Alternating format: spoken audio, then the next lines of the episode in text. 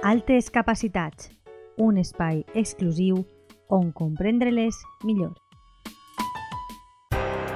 Buenas tardes, seguidores, seguidoras. Me llamo Elena García y soy la presidenta de ALASAC, la Asociación para las Altas Capacidades Cognitivas y Talentos de la provincia de Alicante. En este espacio vamos a poder aprender, compartir y preguntar acerca de este interesante e importantísimo tema, las altas capacidades.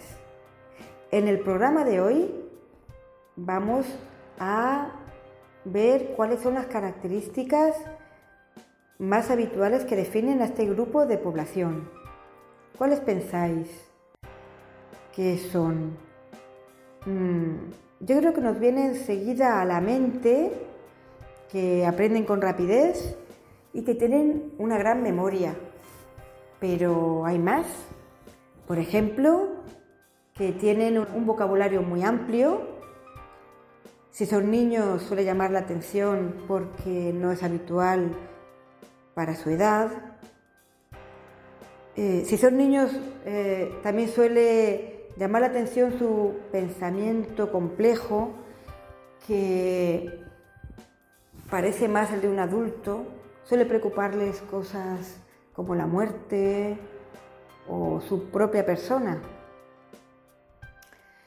Son personas además con una gran curiosidad,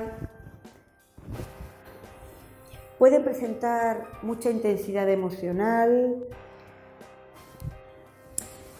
puede llamar su atención eh, en un bebé que esté muy alerta, por ejemplo, muy atento, o en un niño que esté muy pensativo.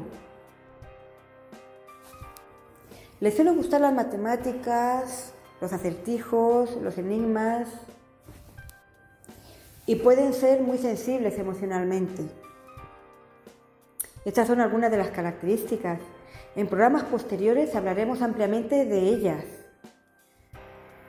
¿Conocéis a alguien?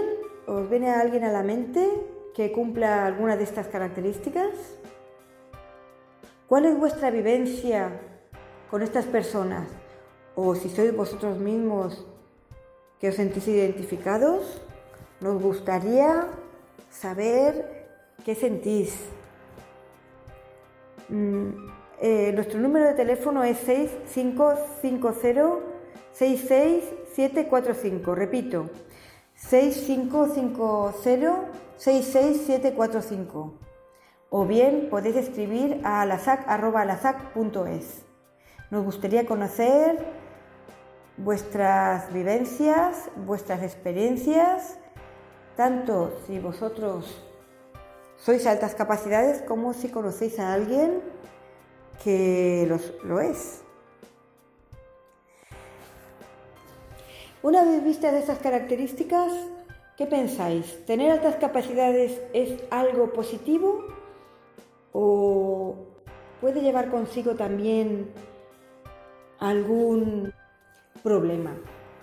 Por ejemplo, el tener mucha curiosidad puede llevar consigo que en la clase la profesora sienta que si le preguntan mucho está interrumpiendo el ritmo de la clase también el gran sentido de la justicia puede acarrear problemas en el ámbito escolar o en el ámbito familiar. Hasta el hecho de que un niño sea una persona muy profunda y esté con frecuencia en actitud pensativa puede darle lugar a problemas. Por ejemplo, que estés hablando con ella y parezca, con ella o con él, y que parezca que no te está escuchando, y es porque está muy atenta y está integrando y sacando sus propias conclusiones. Eh, ¿Te ha pasado a ti? Mm, ¿Por experiencia propia lo has sufrido tú eh, o lo has sufrido porque vives con alguien o conoces a alguien que tenga altas capacidades.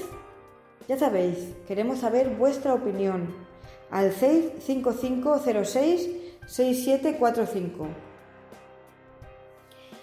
Eh, los eh, programas posteriores vamos a poder compartir con vosotros las respuestas más habituales y alguna anécdota que queráis o que hayáis compartido con nosotros. El próximo miércoles hablaremos de la relación de altas capacidades y la mujer. ¿Os habéis preguntado si hay más mujeres que hombres con altas capacidades o hay menos? ¿Cómo lo viven? ¿Lo viven de una forma distinta?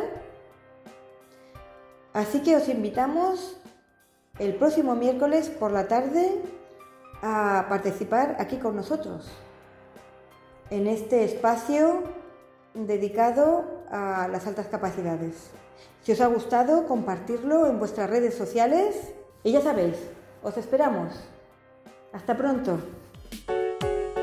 Altes Capacitats, un espai exclusiu on comprendre-les.